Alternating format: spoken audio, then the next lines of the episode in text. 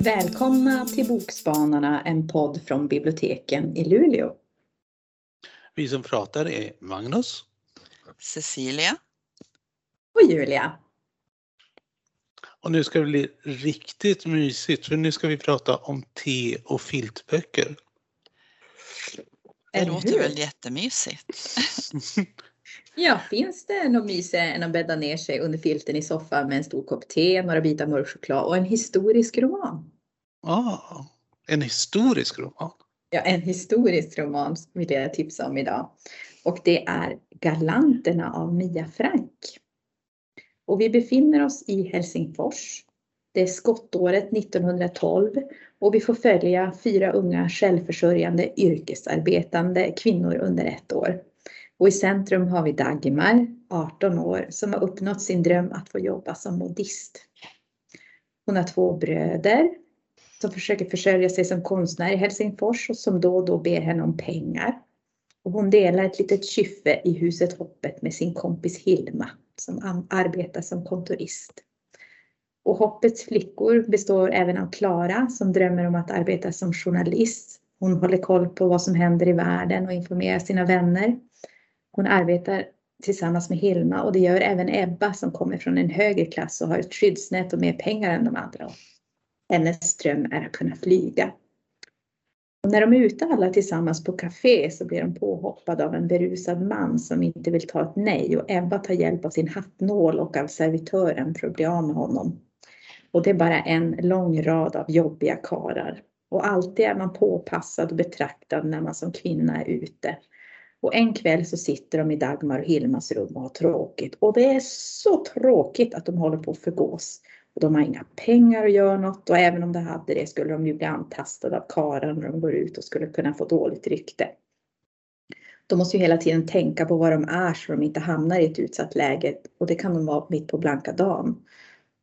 Och varför ska män tjäna, tjäna mer än kvinnor? Enda sättet att få mer plats i världen i Helsingfors åtminstone är att bli karl själv, säger Ebba. Och så skrattar de alla, men sen tystnar de. Att bli karl. Och då helt plötsligt kommer snilleblixten. De ska fixa herrkläder och klä ut sig. De ska ut på stan och svänga om som karar. De ska få friheten att gå ut och slippa bli tafsade på. Att inte behöva ha en man som beskydd. Aj, aj, aj. Men ska de, ska, ska de nu göra det? Men nerverna är på helspänn när de börjar samla ihop till sina utstyrslar. Men på något sätt lyckas de och snart är det dags att klä på sig sina manliga jag och göra stan. Dricka och dansa. Det kommer att bli fantastiskt. Men har friheten ett för stort pris? Hur går det när gränserna flyttas fram? Känner vi egentligen någon? Det här är liksom ett fantastiskt äventyr. Man kan kalla det så. Och Dagmar får även möjlighet att uppnå en dröm. Hon får resa till Stockholm och Paris för att kolla in det senaste hattmodet. Den här boken har också en liten dokumentär känsla för mellan kapitlen så finns det utklipp då ur tidningen med allt från när Titanic sjönk, August Strindbergs död, faran med damernas alltför långa och vassa hattnålar. Eh, 1912 verkar det ha hänt en massa saker, inte minst en solförmörkelse som alla blev varnade för att inte titta direkt på för att undvika att bli blind. Eh, och författaren här har utgått från sin egen mormors mor Dagmar när hon hittar på den här historien. För hennes mormor arbetade som modist i Helsingfors under den här tiden och drömde även hon, hon om sin egen hattaffär. Så att eh, jag kan verkligen rekommendera Galanterna av Mia Frank. Men det är ju verkligen en filtbok i dubbel bemärkelse. Man brukar ju göra hattar av filt. Verkligen. Eh, Boken som jag har valt är väl kanske ingen typisk te och filtbok som man förväntar sig. Men det är en pärla tycker jag. Kanske bortglömd. Den kom ut nämligen redan 1979 och det här är då en, ett nytryck av boken. Den heter Bellevue och är skriven av en fransk författare som heter Didier Martin. Han är född 1938 och innan han slog igenom som författare så jobbade han på en biluthyrningsfirma. Eh, det här är första boken som översattes eh, till svenska av hans böcker. Och i den här boken Bellevue så undersöker han och reflekterar över relationer mellan en författare, en huvudperson, en hjälte i en bok och läsaren själv. Och på det här sättet så eh, klurar han till det genom att han, den här boken heter ju Bellevue eh, men i boken så finns det ett annat hotell eh, som en annan författare skriver om. Eh, så att han, eh, ja, han gör det så att man, man reflekterar från olika håll. Eh, man kan säga att eh, bokens huvudperson, i alla fall från början, det är en 19-årig ung man som bor på det här hotellet Bellevue. Han har bott där i ungefär ett år och han, eh, hans huvudintresse är att läsa. Han har vissa ritualer, han sitter vid samma bord i frukostserveringen men annars så är huvudfokus att läsa och vi får väl egentligen inte riktigt veta eh, hur han har möjlighet att bo så där flott dag ut och dag in. Eh, han läser och eh, han har en hel hög med böcker på sitt hotellrum och, och när han har läst klart böckerna så eh, ja, bryr han inte sig så mycket om dem längre. Men med undantag då för en, för en bok som han läser när den här boken eh, startar. Eh, den boken kan han inte riktigt släppa. Och eh, då visar det sig sen att författaren till den boken, han har också precis tagit in på samma hotell, Bellevue, som är eh, ja, ett, ett hotell som ligger väldigt vackert vid en strand och det finns badmöjligheter. Författaren till boken som den här 19-åringen läser, det är en österrikare som heter Schweiermann. Han är gammal och han har haft en hjärtattack och nu har han tagit in på hotellet. Han ska försöka skriva en sista bok för han känner på sig att han har inte så lång tid kvar att leva.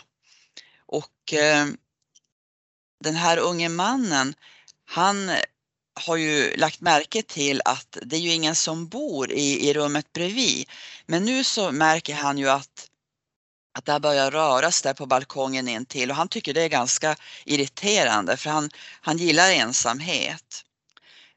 Eh, den här boken eh, har en väldigt njutbar text. Eh, den stannar i detaljer och den beskriver naturens skeenden och även de här två huvudpersonernas både yttre och inre liv.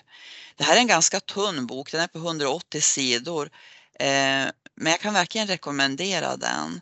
Eh, och den är på ett sätt väldigt frustrerande.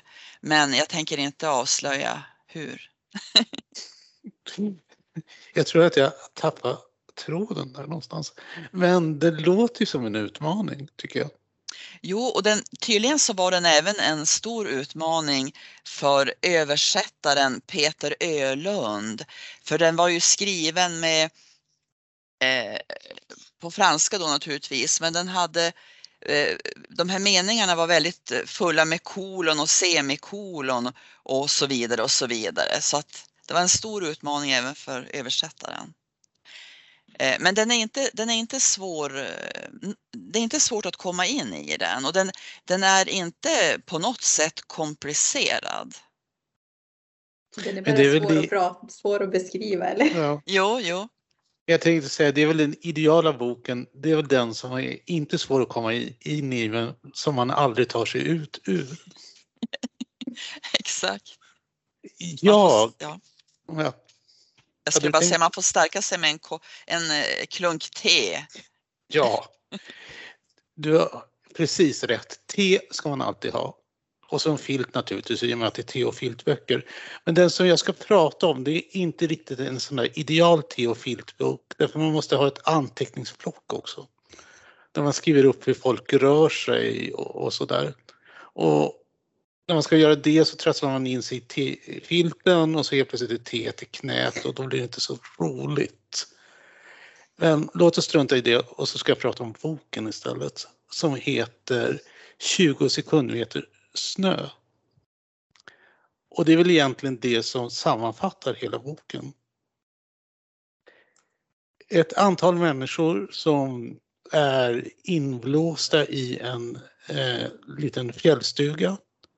De kan inte ta sig någon eh, vart eftersom det eh, blåser 20 sekunder meter snö utanför och de är uppe på en fjälltopp. Men däremot så kan en främmande människa ta sig in och sen är det någon som dör. Och då gäller det naturligtvis att ta reda på vem det är som är mördaren. Och i sann pusseldeckare, för det här är en pusseldeckare, i sann pusseldeckare-anda så kan man alltså kartlägga hur folk förflyttar sig mellan de här fyra rummen som fjällstugan eh, består av. Och rent teoretiskt så ska man ju kunna räkna ut då vem det är som gjorde det och eventuellt om de gjorde något mer. Då måste man ju läsa boken. Eh, en liten varning, gör inte som jag. Jag eh, googlade för att läsa mer om boken innan jag skulle prata om den. Och det första jag läser liksom, det är vem som gjorde det. Och det förtar ju lite av charmen med en pusseldeckare. För de är ju sådär som man ska slita sitt hår och så ska man misslyckas. Eller jag gör det alltid. Jag lyckas aldrig räkna ut vem det är som gör det. Det är antagligen för logiskt för mig. Jag tror alltid liksom att det är den i rullstol som gjorde det när det var tre trappor upp som mordet skedde.